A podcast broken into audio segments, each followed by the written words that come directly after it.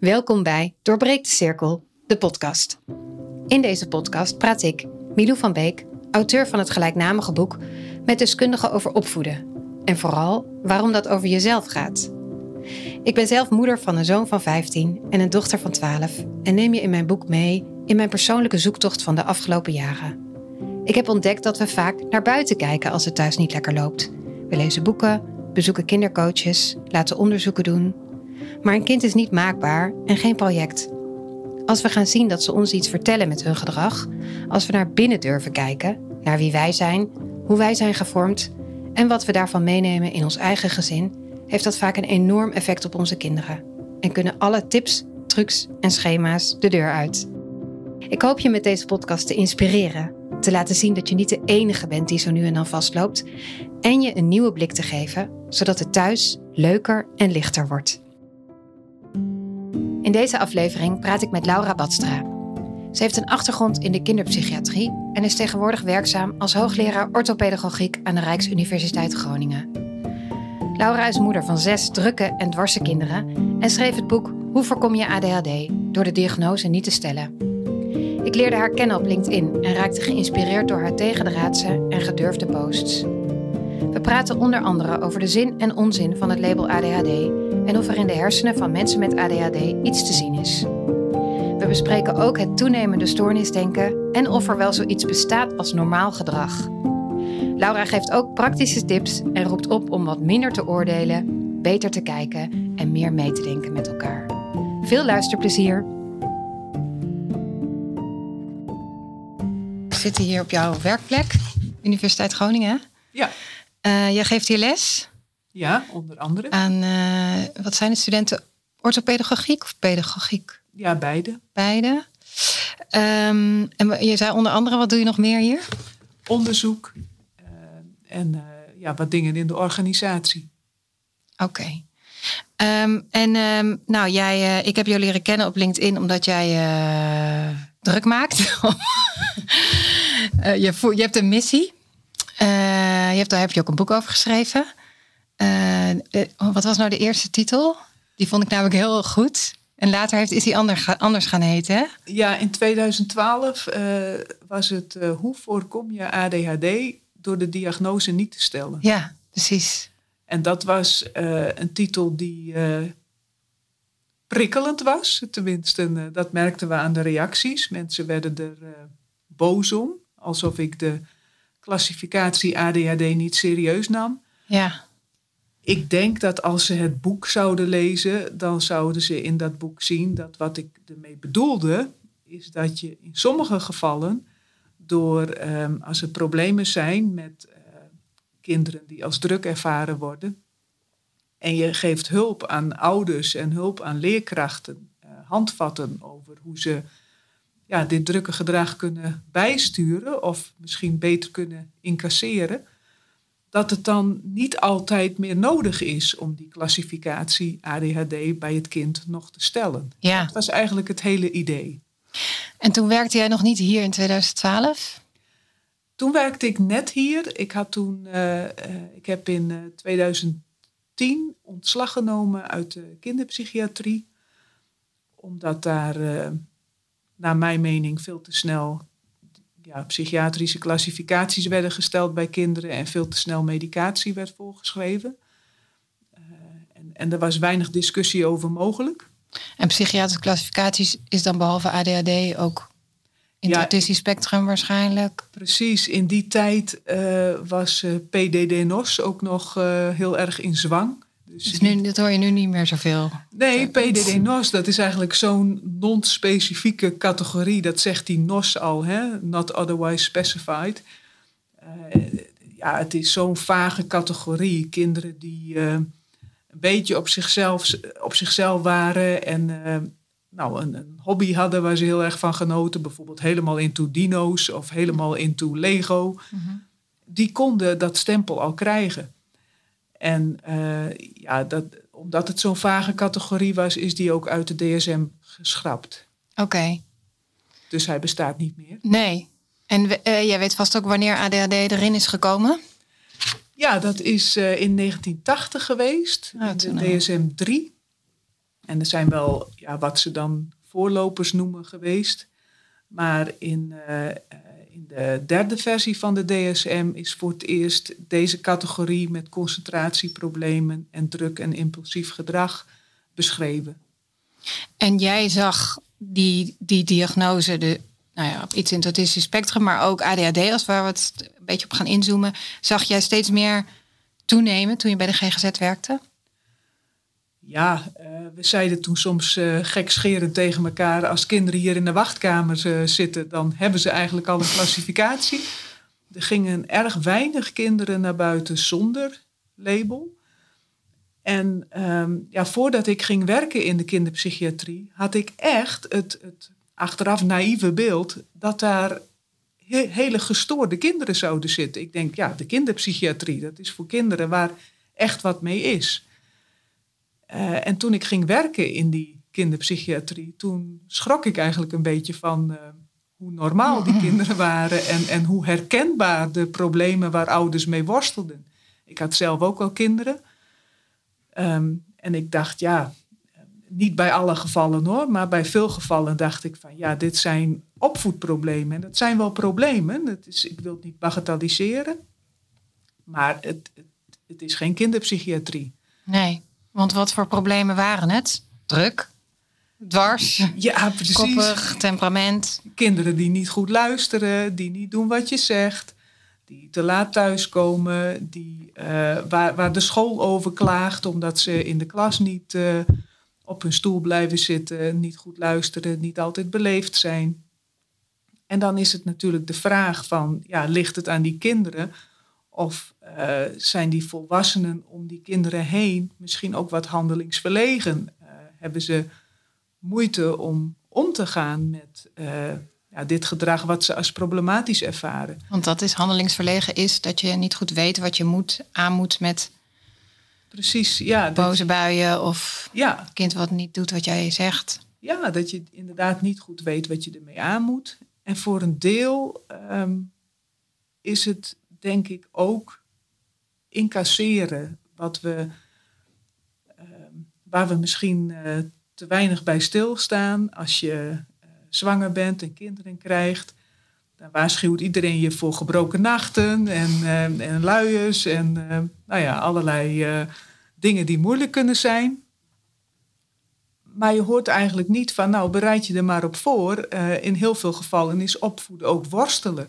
Ja. Het, het gaat niet allemaal vanzelf. Uh, er zullen moeilijke periodes zijn.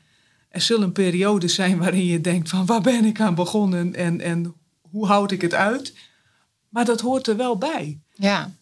En ik denk als we daar met z'n allen wat opener over zijn, dat opvoeden niet in alle gevallen vanzelf gaat en niet in alle gevallen makkelijk is, dan zou dat al heel veel schelen. En dan zouden die ouders die worstelen met de opvoeding en met ja, energieke en eigenzinnige kinderen, die zouden het ook al een stukje makkelijker hebben, omdat ze misschien meer kunnen rekenen op steun in plaats van kritiek van andere ouders. Ja. Ja, dus eigenlijk zeg je, um, de, gebruiksaanwijzing die we ook een beetje bij kinderen krijgen zouden moeten geven is, um, nou, kijk, want de roze wolk heb je natuurlijk die waar ook al, nou ja, de vraag is of die al bestaat. Maar goed, die, je, je zou eigenlijk moeten zeggen van bereid je voor. Want uh, kinderen krijgen ze niet lang niet altijd leuk. Het kan, nou, zegt het, valt te, het kan tegenvallen, het kan een worsteling zijn. Dat is natuurlijk niet per se iets wat je wil horen, denk ik, als je. Nou, ik denk dat het niet alleen negatief is, uh, want het is natuurlijk ook prachtig. Mm -hmm. En het verrijkt je leven en het is, het is fantastisch kinderen en ze zien opgroeien en, en die band die je met ze hebt en de liefde die je voor ze voelt, dat is, dat is een schitterende, schitterend iets. Maar tegelijkertijd is het denk ik goed om een realistisch beeld te scheppen. En dat realistische beeld, dat is dat het niet altijd roze geur en maneschijn is en dat dat dus normaal is. En dus in die zin onderschatten we uh, opvoeden misschien soms ook als je hoeft er natuurlijk geen papiertje voor te halen of geen. Nee. Denk je dat we het ook wel uh, te licht opnemen of te weinig serieus nemen misschien? Of, te, Of is het echt een verkeerd beeld? Ja, dat we het, ehm, eh, dat we het te weinig serieus nemen, dat weet ik niet. Want eh, mensen die in verwachting zijn of die eh, jonge kinderen hebben, die worden natuurlijk overstelpt met allerlei informatie Ja. Over hoe het zou moeten. Ik denk zelf juist dat dat heel verwarrend werkt en dat je, ehm, ja, als je eh, een kind hebt en je houdt van dat kind, dan gaat er automatisch al heel veel goed. Mhm. En daar kun je ook wel een klein beetje op vertrouwen. En ik denk dat als het niet goed gaat op dat moment, dan is het van belang dat we elkaar daar een beetje in steunen en helpen. Dus dat jij ook zegt, het gaat niet goed. Dat je dat als ouder aan, aan durft te geven. Precies. In je ja. omgeving. Of, Nou ja, wat je zegt, durft. ehm, ik denk dat daar wel een, eh, een hobbel ligt. Want ja, we leven wel in een maatschappij waarin iedereen het, eh, of iedereen, nee, waarin het, waarin mensen vooral zeg maar eh, wat goed gaat naar buiten brengen. ja. En op Facebook en op. Insta, daar Ja. zet je niet je, je slechtste en meest beroerde foto's. ik wel hoor.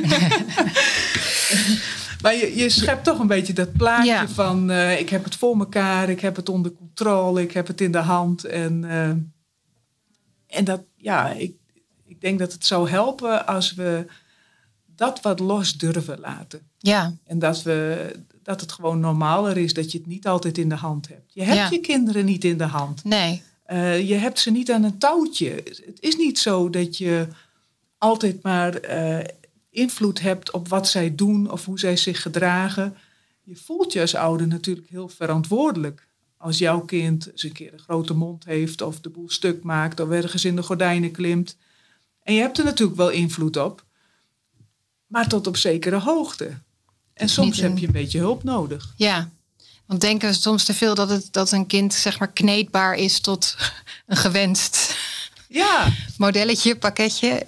ja Eh, dat denk ik wel. Dus dat, heeft, dat kan natuurlijk ook iets te maken met een soort maakbare idee wat we hebben van. eh, Nou ja, wat, Dus- mij, wat mij opviel toen ik nog in de kinderpsychiatrie werkte en dus heel veel ouders van, ja, laten we zeggen, pittige kinderen sprak, ehm, dan merkte ik dat die ouders, die hadden moeite met het gedrag van hun kind, maar waar ze vaak nog veel meer moeite mee hadden, dat waren de negatieve reacties vanuit de omgeving. En die zijn soms ja, echt ronduit negatief over jouw kind. mhm. En dat is natuurlijk verschrikkelijk. dat, ze, dat ze dus te horen krijgen dat het een onhandelbaar, vervelend, brutaal. Ja, dingen als eh, geef hem maar een week aan mij, dan eh, zal ik hem Oh, maar ja. even opvoeden. En dus je krijgt een soort van verwijten, alsof jij het niet goed zou doen als opvoeder. Ja, Nou, dat vind ik enorm gevaarlijk, want als jij vanaf een afstandje kijkt en je denkt van, nou, het lijkt erop alsof die moeder wat eh laconiek reageert, bijvoorbeeld Mhm. op eh, een dwarskind. mhm. Heel veel mensen hebben dan een oordeel. Maar je weet helemaal niet wat erachter zit, waarom die moeder zo reageert. En, en misschien is ze op dat moment juist wel heel responsief naar het kind en doet ze precies wat het kind nodig heeft om enigszins kalm te blijven of te worden. Mhm. Maar wat je vaak krijgt is, is oordelen Mhm. van mensen die denken dat ze het beter weten.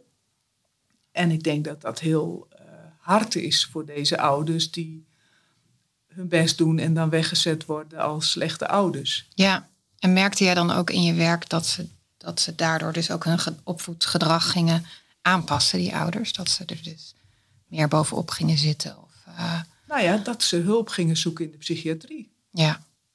Om eh, ja, uit een ze- soort wanhoop Ja. van eh, hoe krijg ik mijn kind op de rails, zodat ik me niet iedere keer voor hem hoef te excuseren. Ja, ja.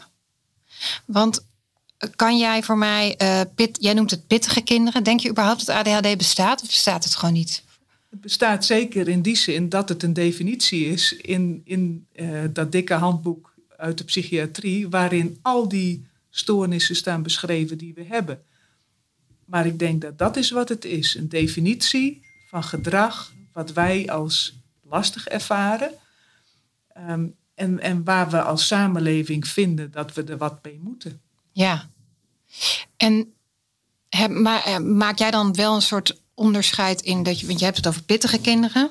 in, laten we zeggen, pittige en makkelijke kinderen? Of, of eh, hoe zie jij dat? De een heeft meer, ja, meer temperament dan de ander. Of, want er zit natuurlijk wel een onderscheid in ehm, Ja, type kinderen, mensen ook. Maar Ja, ik bedoel het nu vooral. eh, kijk, in sommige gevallen gaat de op, opvoeding makkelijk en vanzelf. En, en heb je kinderen waarmee je gewoon ja, makkelijk samenleeft en leuke dingen kan doen. En, eh, en bij andere kinderen is het om wat voor reden dan ook wat ingewikkelder. Dat kunnen kinderen zijn eh, met druk en dwars gedrag, maar het kunnen ook kinderen zijn die bijvoorbeeld heel gevoelig zijn voor prikkels. mhm, Of kinderen die wat angstig zijn. Of ja, kinderen die een sombere inborst hebben, ik noem maar wat. mhm. Ehm, dus bij, ja, bij, er zijn gewoon allerlei soorten van kinderen. ja. En, en eh, over het algemeen denken we dus, of, of hebben we het idee dat kinderen in een malletje of in een één, pot, één potje zijn waar, waar je één, eh, nou ja, dat, laten we zo zeggen, dat ze zich gedragen. eh, dat is onze wens. Terwijl dat bij de een misschien makkelijker gaat dan bij de ander. Het ene kind zegt, ik, als ik mijn eigen kinderen kijk, denk ik, ben kan nog steeds verbaasd zijn als ik mijn dochter iets vraag en ze zegt oké. Dan kan ik nog steeds na al die jaren denken, huh? Zeg je nou echt oké? Ik ben zo gewend geraakt aan dat het dus altijd een, we, een, op, een wedervraag, opmerking, een reden waarom het niet Ja. hoeft of niet. Nee. Ja, maar. Ja.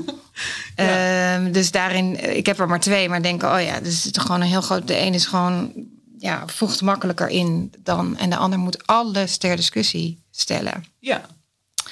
Ja. Ehm, Maar als je kijkt naar eh, hoe wij naar kindgedrag kijken en, en hoe vaak en hoe snel we kindgedrag klassificeren als een stoornis, ja, dan is dat met de jaren steeds meer toegenomen. Terwijl er niet echt aanwijzingen zijn dat dat kindgedrag nou zo enorm ehm, veranderd is. Dus wat er is gebeurd, wij zijn eigenlijk steeds meer variatie gaan labelen als, eh, ja, als stoornis, als, Ja. eh, als niet gewenst dus. En dat, daarvan kun je zeggen, oké, dat heeft iets te maken met scholen en prestatiedruk, eh, steeds meer CITO's.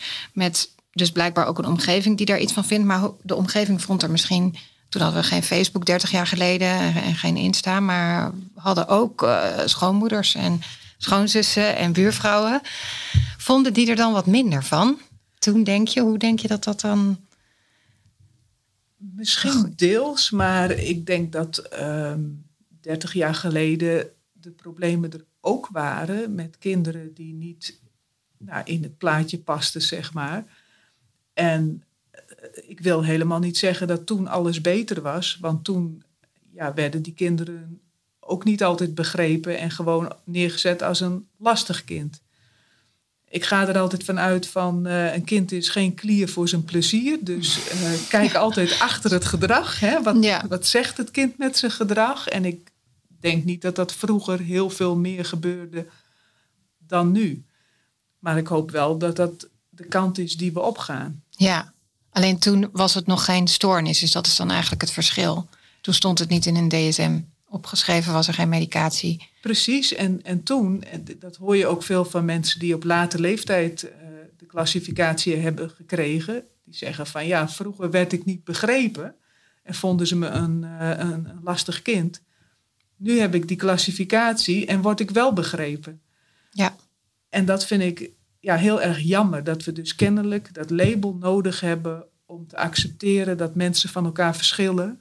Ja. En dat de een wat drukker is en de ander wat somberder. En, en dat we niet met elkaar zo ver zijn dat we die verschillen kunnen accepteren en omarmen en ermee kunnen dealen. Maar Ja. dat we daar nog altijd die labels als een soort van excuus voor nodig ja. hebben. want ook bij ouders hè, die dan zeggen van nou zie, het ligt dus niet aan mij Ja, als je kind eh, die diagnose krijgt.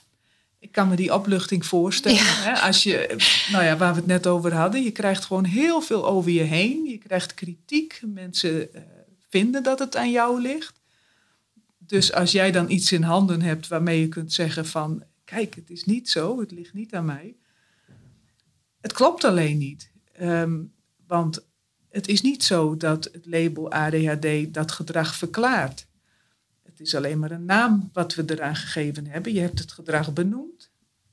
En je weet nog altijd niet wat de oorzaak ervoor is. Ja. En dat is een hele, ja, nog altijd helaas wijdverbreide misvatting. Dat ADHD een, een stoornis is, iets in de hersenen, Ja. wat het gedrag verklaart. Maar dat klopt dus niet. Nee, want er is, er, eh, er is zo'n studie geweest, daar heb je ook veel over gepubliceerd, hè? Dat er dus eh, wel wat te zien was in de hersenen.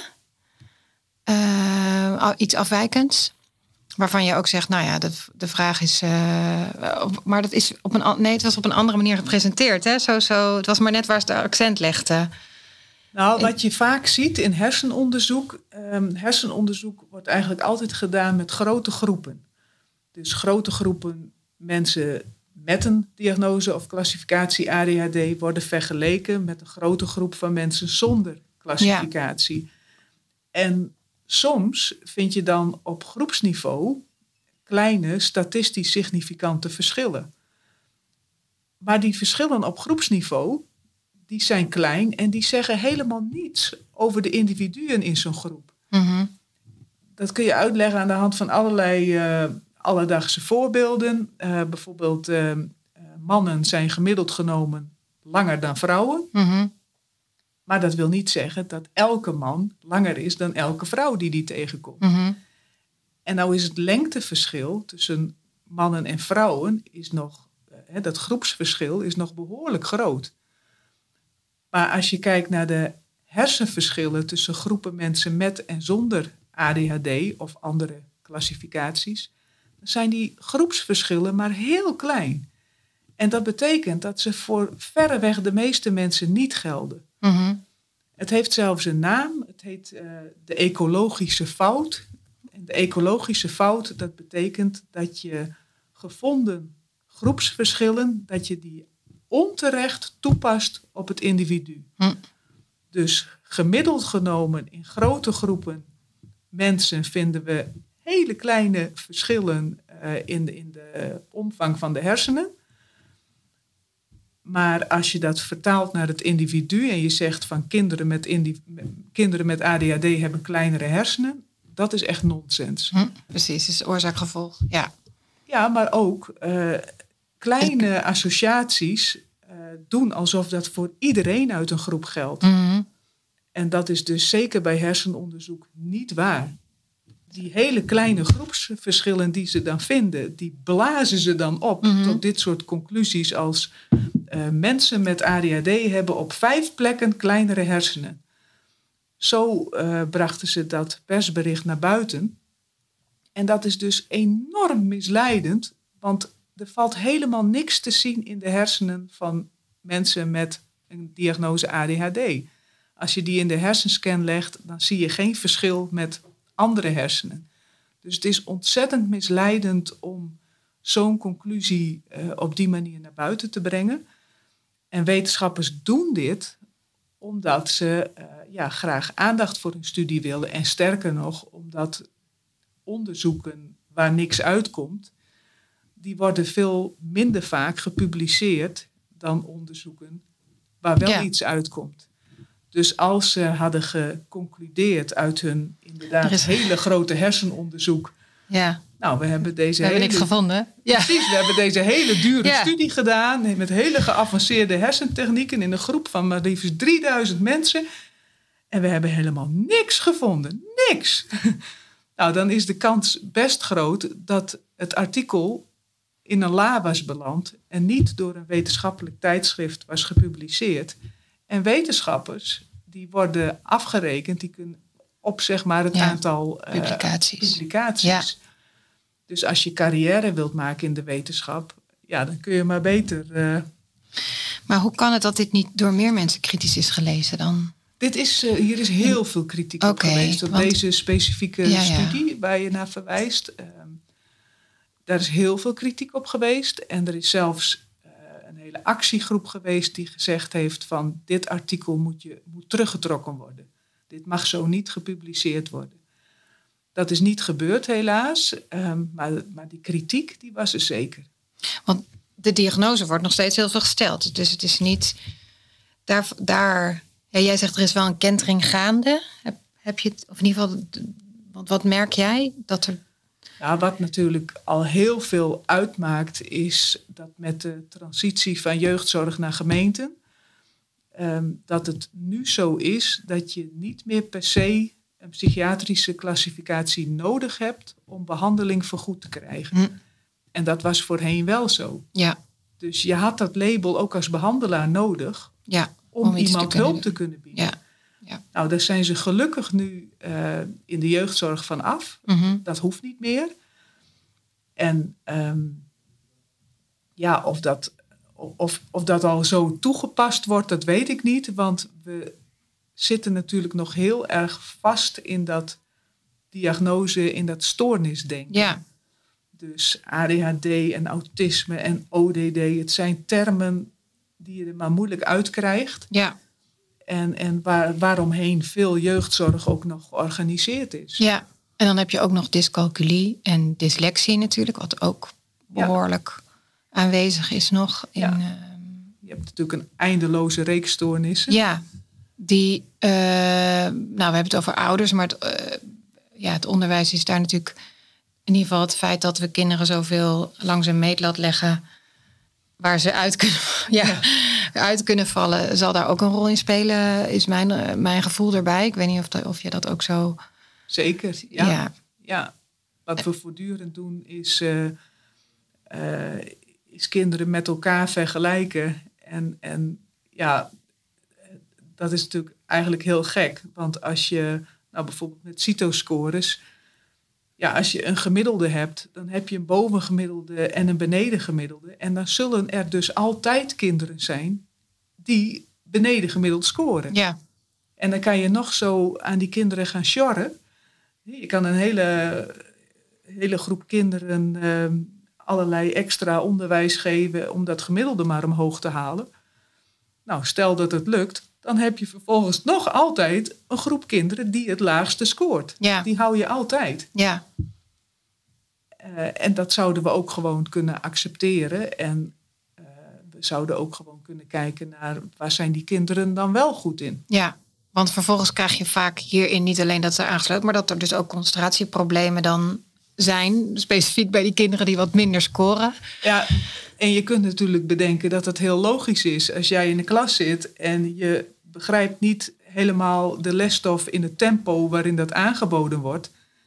Ja, dan ga je toch uit het raam kijken en vervelend doen. Want Ja. je bent niet geboeid door de lesstof, want Ja. die gaat jou te snel. Ja, Dus dan is het even de vraag van wat is er het eerst? Is er het eerst dat, dat eh, niet zo snel kunnen meekrijgen van die lesstof? Of is het zo, en zo wordt het vaak gebracht, dat er eerst concentratieproblemen zijn en dat daardoor niet goed opgelet wordt? ja, Ik denk dat het ook met enige regelmaat andersom is. ja. Want geloof je dan ook... Ik heb bijvoorbeeld... Mijn oudste heeft zo'n geheugen wat heel alles bij elkaar associeert. Vind ik superleuk, maar is niet heel handig op school. Zeker niet als je woordjes moet leren en zo. Is dat dan... eh, dat is gewoon een brein wat op een bepaalde manier werkt, zou jij hem dan misschien zeggen? En Nou ja, iemand anders ik- heeft een ander soort werkend brein.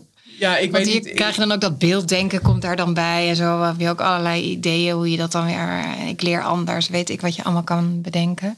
Ja, we hebben het tegenwoordig al snel, als we het over kinderen hebben, dan hebben we het over hun brein. Dan Ja. denk ik altijd van nee, Nou. het brein werkt niet zo, het kind werkt ja, zo. Laten we Als- vooral kijken naar het kind. En, en, want die, dat zien we. En die hersenen die zijn zo complex. Ehm, ja, dat, daar kunnen we toch niet. eh, daar kunnen we niet eens heel veel mee. Daar doen we al, al decennia lang onderzoek naar. En de conclusie is eigenlijk, daar gaan we de antwoorden niet vinden. nee. Dus laten we gewoon naar de kinderen kijken. En nou, als er een kind is wat, zoals jouw zoon, eh, heel snel en heel veel associeert. Die mensen kom ik ontzettend veel tegen. Dat zijn vaak mensen eh, in, in- de entertainment, of Mhm. mensen in de kunst, of mensen eh, eh, die nieuwe dingen maken. Laatst een cameraman hier die zei van ja, vroeger was het een probleem dat ik alle vogels zag vliegen. Nu maak ik er mijn werk van. Dus als je die kinderen maar goed begeleidt, dan kunnen ze een prachtige bijdrage leveren in de meeste gevallen aan de samenleving. Mhm, Maar als je ze van jongs af aan vertelt, jij bent beneden gemiddeld, mhm. ja, dan, eh, dan haal je niet het beste in ze naar boven Nee. natuurlijk. En dat ligt niet aan hun, dat Nee. ligt aan hoe wij met deze kinderen omgaan. Want wat is dan een goede begeleiding, zeg maar, als je dus in regulier onderwijs zit?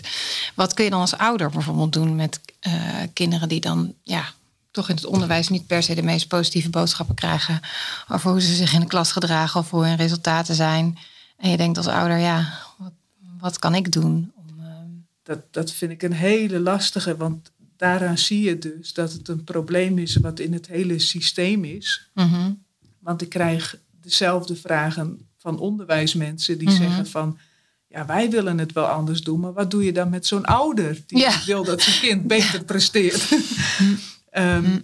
En dat is ook waarom wij binnen eh, eh, ons project Druk en Dwars, ehm, wat wij daarin doen, is dat we binnen specifieke gemeenten voorlichting en handvatten bieden aan ouders, leerkrachten en binnen de kinderopvang, zodat je al die contexten waarin dat kind functioneert meeneemt. En dat je in al die contexten probeert de neuzen dezelfde kant op te krijgen. En dat is dan de kant van een kindvriendelijke, normaliserende, niet pathologiserende benadering. wat is pathologiserende? Nou, dat is dat je al snel denkt in termen van uh, stoornissen Ja. en wat is er mis met dit kind. Ja, En normaliserend is meer dat je ja, accepteert dat kinderen anders zijn, eh, verschillend van elkaar zijn. ja, En dat er allerlei. dat er eigenlijk geen normaal is. Nee, nee, er zijn allerlei eh, typen en sommige zijn misschien wat moeilijker in de omgang. Ja. Maar daar moeten we ook met elkaar mee dealen. Die horen er ook bij. Ja. En wat vraagt dit van jou als ouder? Niet alleen deze misschien wat creatief, maar ook bijvoorbeeld de kinderen die dus druk, dwars, boos misschien. Wat, ehm, wat, wat moet je doen? Alsof, eh, ja, ik, ik ben zelf namelijk, merk, eh, jij noemt het handelingsverlegen zo'n mooi woord, maar ik had dat ook. Dat ik dacht, wat moet je nou met, een, met zoveel temperament? Ik herkende dat ook niet. Dat vind ik ook heel grappig ook ontdekt. Dat mensen dus ook heel vaak aan mij en mijn man vroegen... me hoe kan dat dat jullie zo'n pittig kind krijgen? Want jullie zijn zelf vrij eh, nou, rustig, op de achtergrond. Dus ik dacht, oh, maar dat kan dus niet. Je, Daar moeten we een verklaring voor zoeken hoe dat kan. Dat is heel interessant. Nu, de- nu ben ik, denk, ja, waarom moet een kind alsof het een kopietje van ons zou... Je, je Zijn. zou het ook om kunnen draaien. Hè? Van, ehm, hoe kan het eigenlijk dat jullie zo rustig zijn? Ja, Ja, maar die vraag wordt niet gesteld. nee, nee. We gaan er dan vanuit van dat kind dat moet dus rustiger worden. Maar we zouden ook kunnen zeggen van... eh, nou, misschien moeten die ouders wel wat drukker worden. Ja, ja. Ehm, nou ja, niet dat ik dat nu per se... Nee, nee, nee, dat maar wel. Is, de, maar- dat, de norm is dus eigenlijk dat je je, dat je je gedraagt en dat je niet, eh, ja, dat je niet de hele tijd boos. En Ja. natuurlijk als volwassene is dat natuurlijk ook. eh, maar ik kwam er wel heel erg achter dat het dus heel moeilijk is als je zelf ook niet zo goed weet wat moet je nou doen. En inderdaad de mensen om je heen, eh, ja. Denk al helemaal, hoe kan dat nou? Wat, waardoor je het helemaal als abnormaal gaat zien, eh, dat gedrag. Ja, ik, ik vind het altijd spijtig om te horen dat mensen daar dan kennelijk alleen mee worstelen. Tegelijkertijd vind ik het herkenbaar. ehm, want eh, mijn kinderen zijn ook eh, pittig, om het zo maar te noemen. En eh, vooral met de eersten. Nou, daar had ik het zweet wel eens op de rug staan van... lieve hemel, wat moet ik hiermee? Wa- wa- Wat nu? Of dat je echt uitgeput bent en, en je weet het gewoon niet meer. En achteraf eh, denk ik wel van, waarom vroeg ik niemand om hulp? Ja, Nee, naar buiten toe eh, hield ik altijd het plaatje van, eh, ik heb alles in de hand. En, en, en ik begrijp het van mezelf ook niet helemaal, maar ik denk dat het ook iets is in ons systeem. Dat Ja. het niet heel gewoon is om elkaar om hulp te vragen. Mhm. Ja, en wat ik vaak ook merk, merkte, is dat er dan een advies komt. Ja, ja, En ik heb wel vaak met vriendinnen ging ik uit eten en dan hoorde ik dat advies, dacht ik, ja, dat is inderdaad. ja. Je hebt geen idee, denk je dan. Ja, en ook soms, ja, maar zoals jij het zegt, klinkt het inderdaad wel, eh, ja, klinkt eigenlijk wel heel logisch. Ja. Maar dan kwam ik thuis en dan, dat kon helemaal niet. Nee. Dat was helemaal geen optie. Nou ja, dat is wat ik net ook zei. Hè? Het, het is heel moeilijk, denk ik, om advies te geven over de situatie van de ander. Ja. Want je zit niet in die situatie. Dus ehm, ja, dat, ik denk dat het heel lastig is om goede adviezen te geven. En ik vind het ook heel herkenbaar. Ehm, mijn, mijn beste vriendin van toen, die, die, ik had dan een zoontje die ehm, toen hij heel jong was, wou die absoluut niet alleen gaan slapen. Dus ik ging er altijd naast liggen. En dan duurde het soms wel een half uur, maar dan sliep hij tenminste. Uh, en zij zei heel stellig van, uh, ja, maar dat moet je niet doen. Je moet hem gewoon laten huilen hoor. Dat, uh, dat is echt veel beter. En ik heb die vriendin enorm hoog zitten. Um, en ik ben dol op haar. Maar tegelijkertijd dacht ik toen en denk ik nog steeds van, je hebt geen idee. Ja. Dat had niet gewerkt voor mijn zoon. Nee. Die, die, die moest ik juist niet alleen laten. En dat voelde ik wel aan. Mm -hmm. En het is ja, niet, niet heel, een hele domme opmerking van haar of zo. Want in sommige gevallen zou het waarschijnlijk, of nee, zou het misschien wel goed zijn om Mhm. een kind gewoon te leren om alleen in slaap te vallen. Maar ik geloof toch uh, dat dat voor mijn kind op dat moment niet het beste was. En dan geloof ik toch wel uh, in het moederinstinct. Ja. Zonder zweverig te willen. Ja. ja, je eigen gevoel volgen daarin. Uh, als, ik hoor het wel vaker hoor. Dat, en dan had ik zelf denk ik ook. Maar dat je als moeder dus het idee hebt van... Nou, ik, of dat dan gaat om slapen of weet je, je bord leeg eten. Uh, als je kind een grote mond geeft. Dat je eigenlijk wel voelt, het heeft geen zin om hier hard tegen in te gaan of dit door te zetten. Maar dat je het toch doet omdat... Dus inderdaad van je omgeving, zeker in gezelschap... je harder optreedt bijvoorbeeld dan dat je zou willen. Of uh, nou, misschien inderdaad met slapen wel niet meer naast je kind gaat liggen. Ik denk dat jij was, hebt waarschijnlijk het gewoon naast je neergelegd. Ja, ja. Is dat een van de dingen die je ook ouders zou adviseren van uh, blijf vooral bij je eigen gevoel en laat je niet. Je moet eigenlijk dus advies vragen, hulp vragen als je er niet uitkomt, maar tegelijkertijd je eigen koers varen.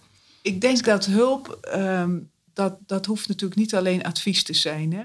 Hulp kan ook zijn van. Uh, uh, als ik bij jou uh, op bezoek kom, uh, dan kan ik wel even met het kind gaan wandelen. Dan kan jij even een uurtje slapen. Ja. Hele praktische uh, dingen. Of ik neem een keer boodschappen voor je mee, zodat je niet met de hele kinderwagenbende eh, eruit hoeft vandaag. Of, het, kan, het kunnen hele praktische dingen zijn en het hoeft niet altijd advies te zijn. En het kan natuurlijk wel. Mm -hmm. Maar ik zou zelf, tenminste dat probeer ik zelf wel altijd te doen, om niet zozeer advies te geven, maar meer met iemand mee te denken. Ja. Dus dat je meer in gesprek gaat van, nou, wat, wat, wat werkt dan wel? Wanneer gaat het beter? Uh, mm -hmm. uh, wat doe je dan anders? En dan krijg je een heel ander gesprek dan wanneer je zegt van, je moet het gewoon zo doen. Ja. Dus dat andersom ook voor mensen eromheen.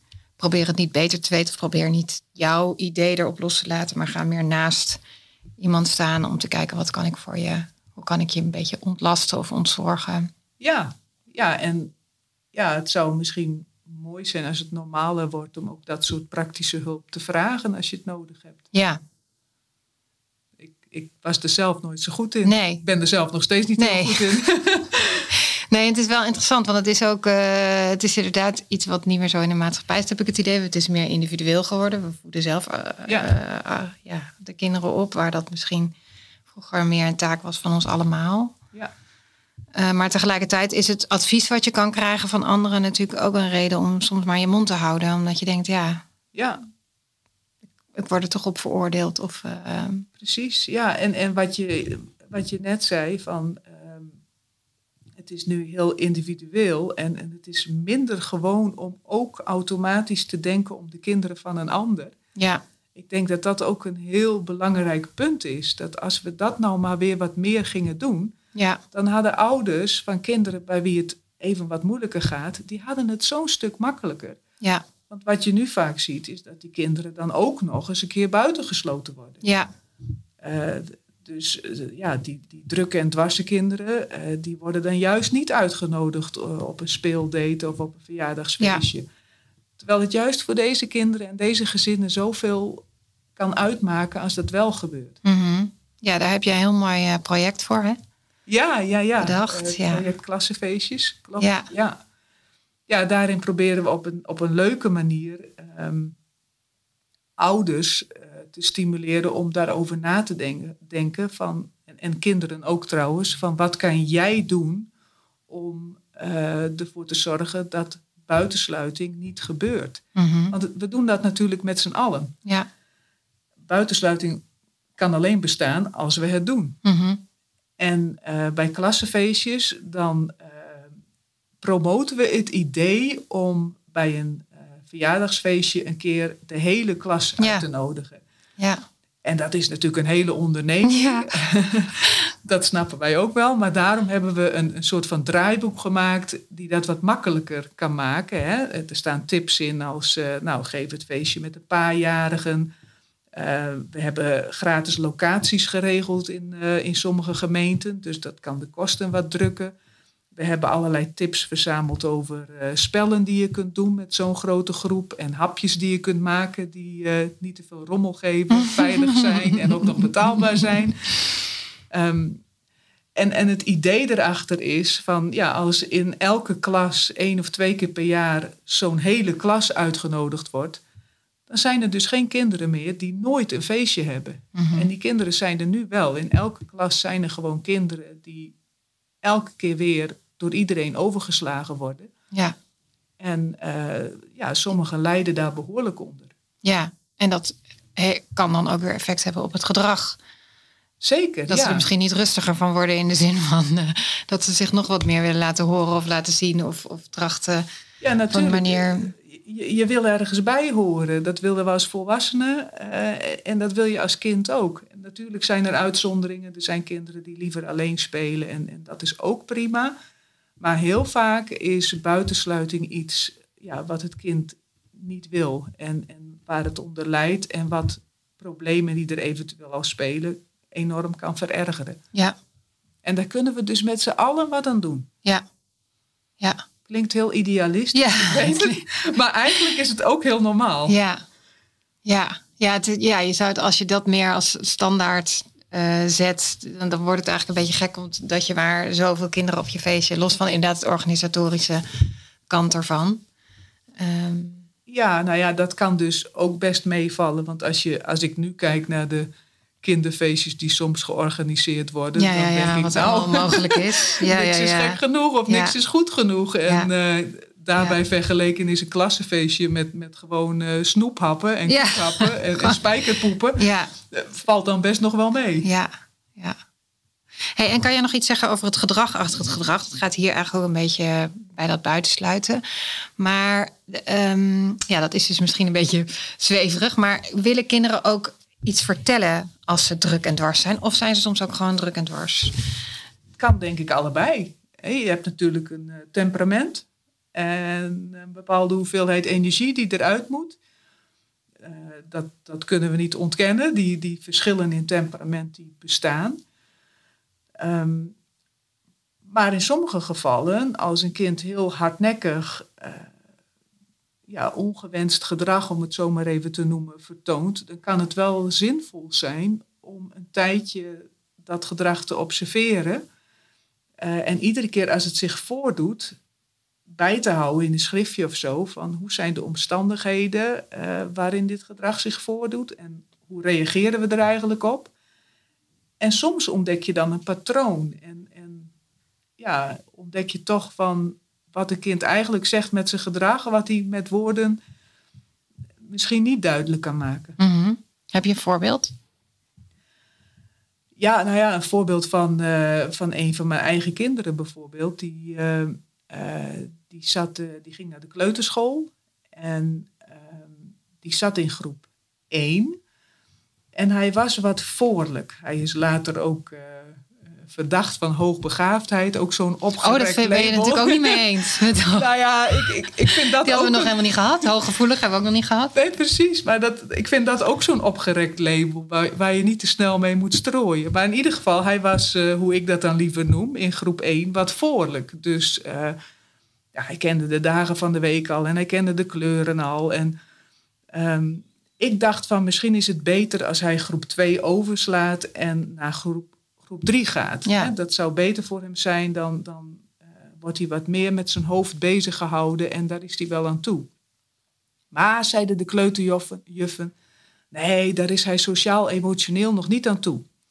Nou, het was mijn eerste en ik dacht, die juffen zullen het wel weten. Die hebben veel meer ervaring met kinderen dan ik.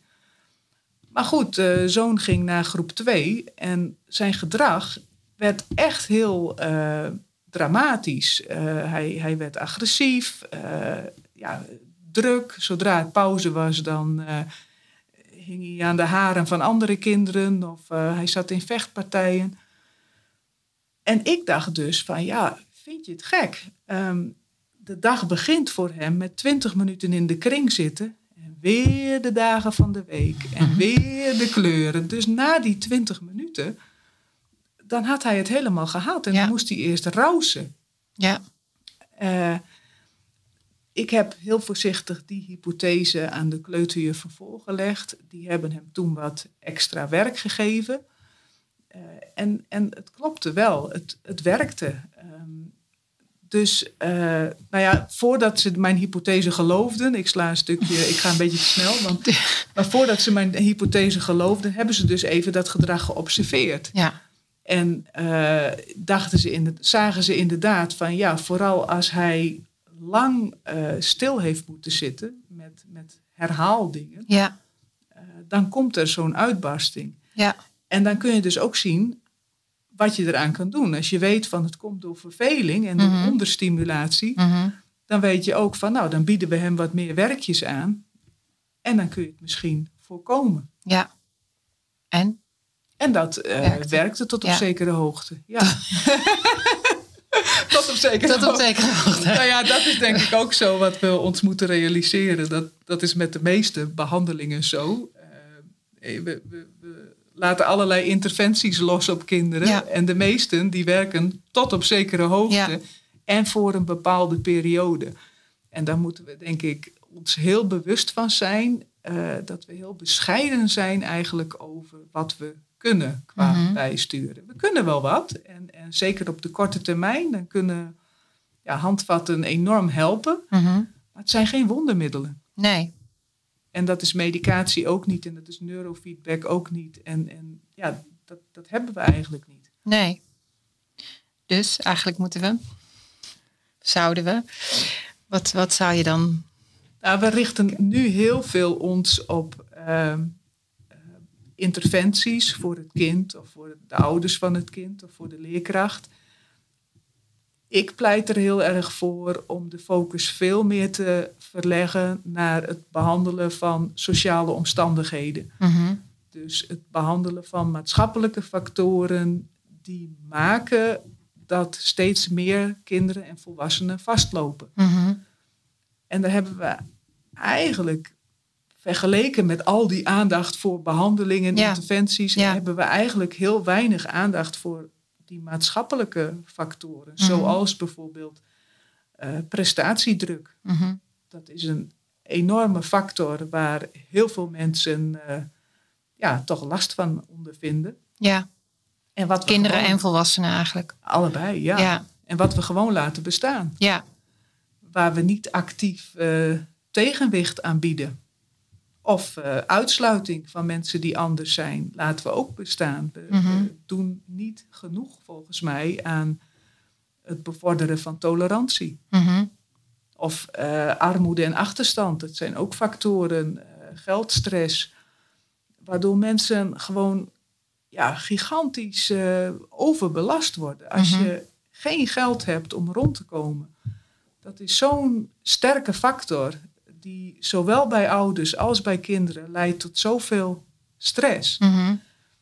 En toch laten we het gewoon bestaan. ja. En, en eh, armoede, achterstand, daarvan zou je van overheidswegen eh, veel actiever op kunnen ingrijpen. Prestatiedwang misschien ook tot op zekere hoogte door de CITO's eraf te halen en de toetscultuur wat terug te schroeven. Maar als je het bijvoorbeeld hebt over acceptatie en meer, eh, dat we meer samen zouden moeten, iedereen hoort erbij, zeg maar. Dat is wel iets ingewikkeld, denk ik, om in een samenleving. ehm, hoe, hoe kun je dat?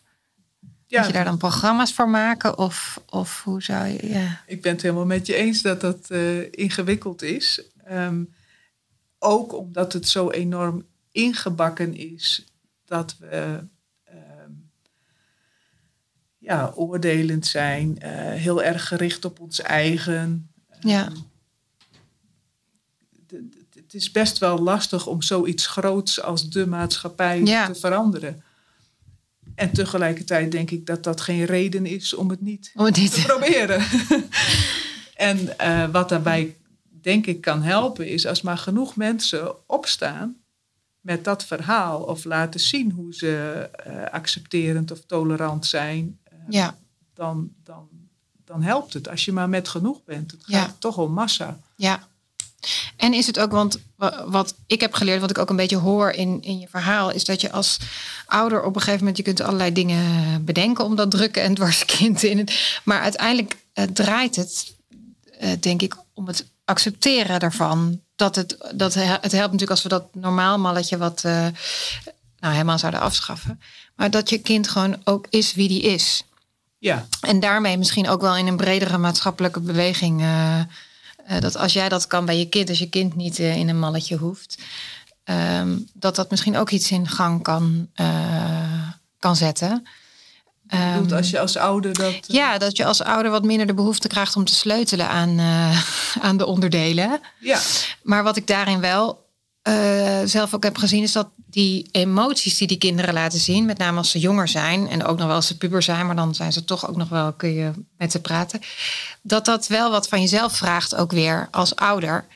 Ehm, omdat het niet, het confronteert jou natuurlijk ook met allerlei emoties, zijn gewoon best wel een complex eh, iets om tegenaan te lopen, waar Zeker. we misschien ook maatschappelijk gezien niet zo heel veel meer. Ik weet niet of dat vroeger anders was hoor. Dat kan ik niet zo goed inschatten. Maar in ieder geval, je moet ook met je eigen emoties eh, aan de slag als je kind eh, nou, veel boos is. Of, of inderdaad somber misschien of verdrietig. Dat confronteert jou natuurlijk ook met je. precies. Kinderen zijn eigen- natuurlijk een enorme spiegel wat Ja. dat betreft. En eh, ja, soms word je ook geconfronteerd met je eigen... eh, niet, niet allervrijste punten, om Ja. het zo maar te zeggen. Ja, Ze halen het bloed onder je nagels vandaan. Ja. Dus je krijgt ook wel de, ja, de, de ongeduldige kant van jezelf te zien. ja, Eh, je ziet jezelf misschien op een manier zoals je jezelf liever niet ziet. ja, En ja, ik denk dat we dat toch meer moeten normaliseren. Laten we wel wezen. Sommige kinderen halen gewoon het bloed onder de Ja. vandaan.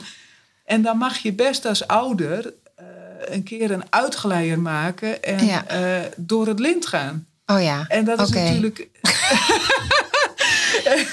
nee, maar achteraf denk je dan van, oh, Ja. wat heb ik gedaan? Ja. En, eh, Ja. ja, ik bedoel niet dat je dat kind kort en klein Nee. moet slaan natuurlijk. Maar eh, ik- Maar uit je slof schieten, inderdaad, dat je echt ook, ja, ja, ik heb soms ook wel eens vloekend en tierend door het huis gelopen van eh, wat eh, flikken jullie me ook allemaal en hoepel ook allemaal maar op. Dat je, dat je allemaal dingen zegt waarvan je later denkt, oh, dat had echt niet gemoeten. mhm, En het mooie ervan vind ik, je kan er altijd op terugkomen. ja, En dan geef Ja. je tegelijkertijd die kinderen het goede voorbeeld. Want Ja. als jij na zo'n bui die echt niet kon, ja, naar je kinderen toe gaat en zegt van nou, dit was wel een heel erge uitgeleider van je, van je Ja.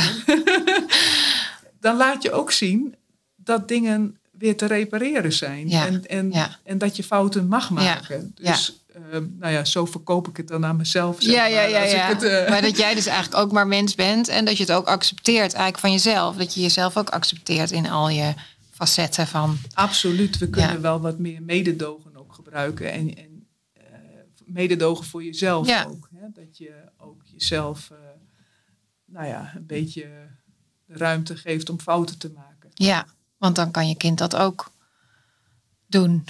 Ja, als je het maar erkent. Ja, Hè? Als Ja. je maar voor jezelf erkent dat je een, een uitgeleider hebt gemaakt. En dat je dat ook naar je kinderen toe erkent. En dat het bespreekbaar is. ja, ja.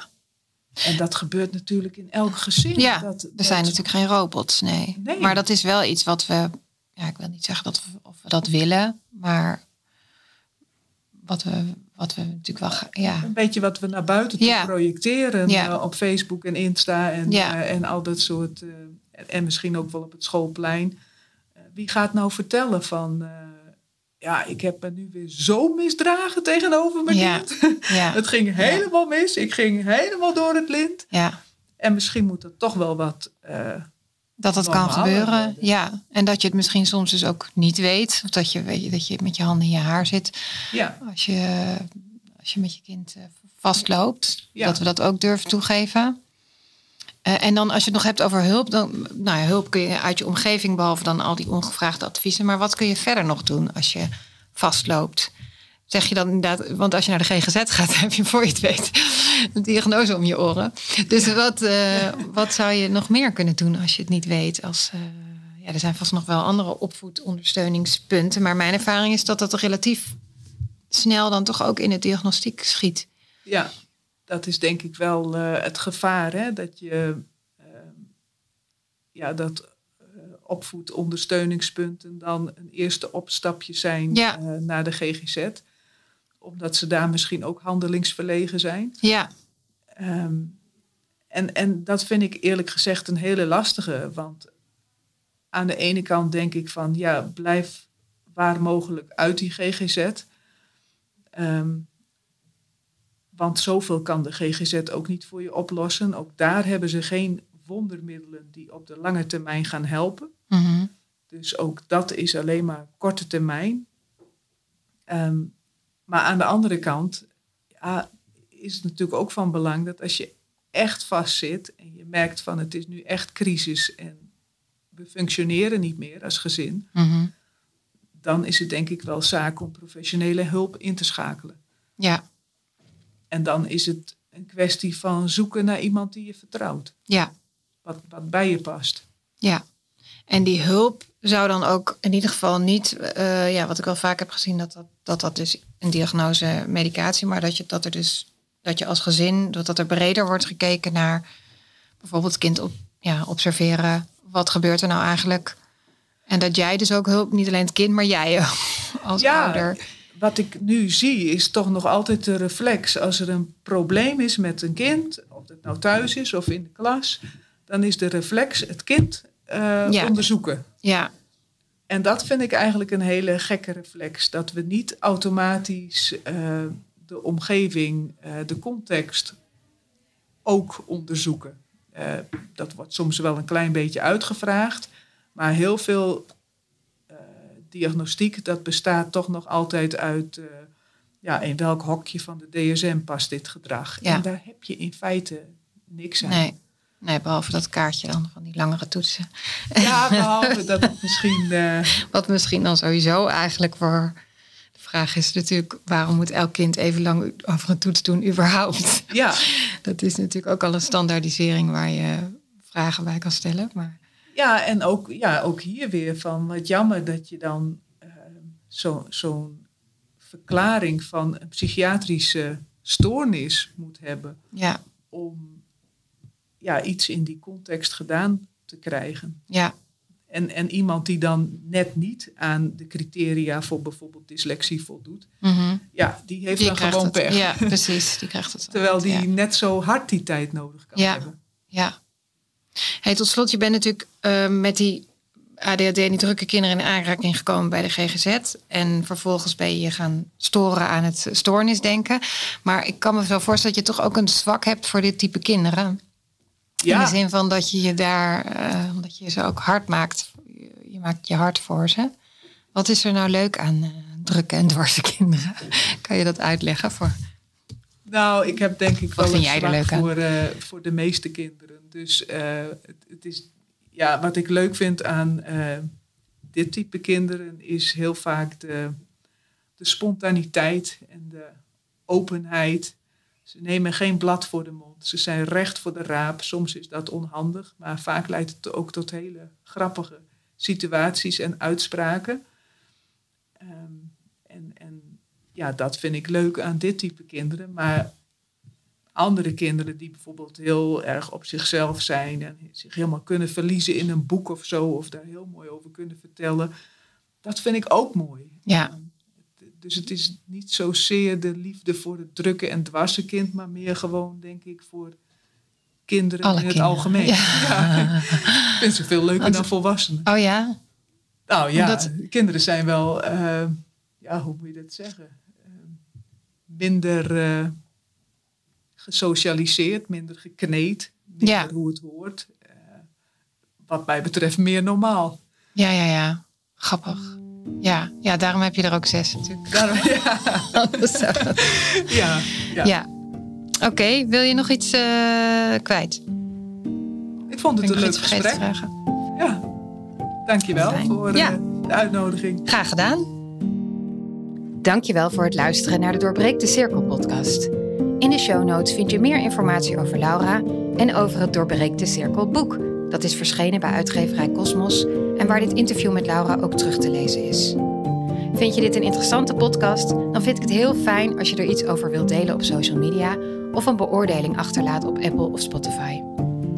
In de volgende aflevering praat ik met klinisch psycholoog Jan Derksen over onder andere het belang van een goede hechting en de pretparkgeneratie. Tot dan!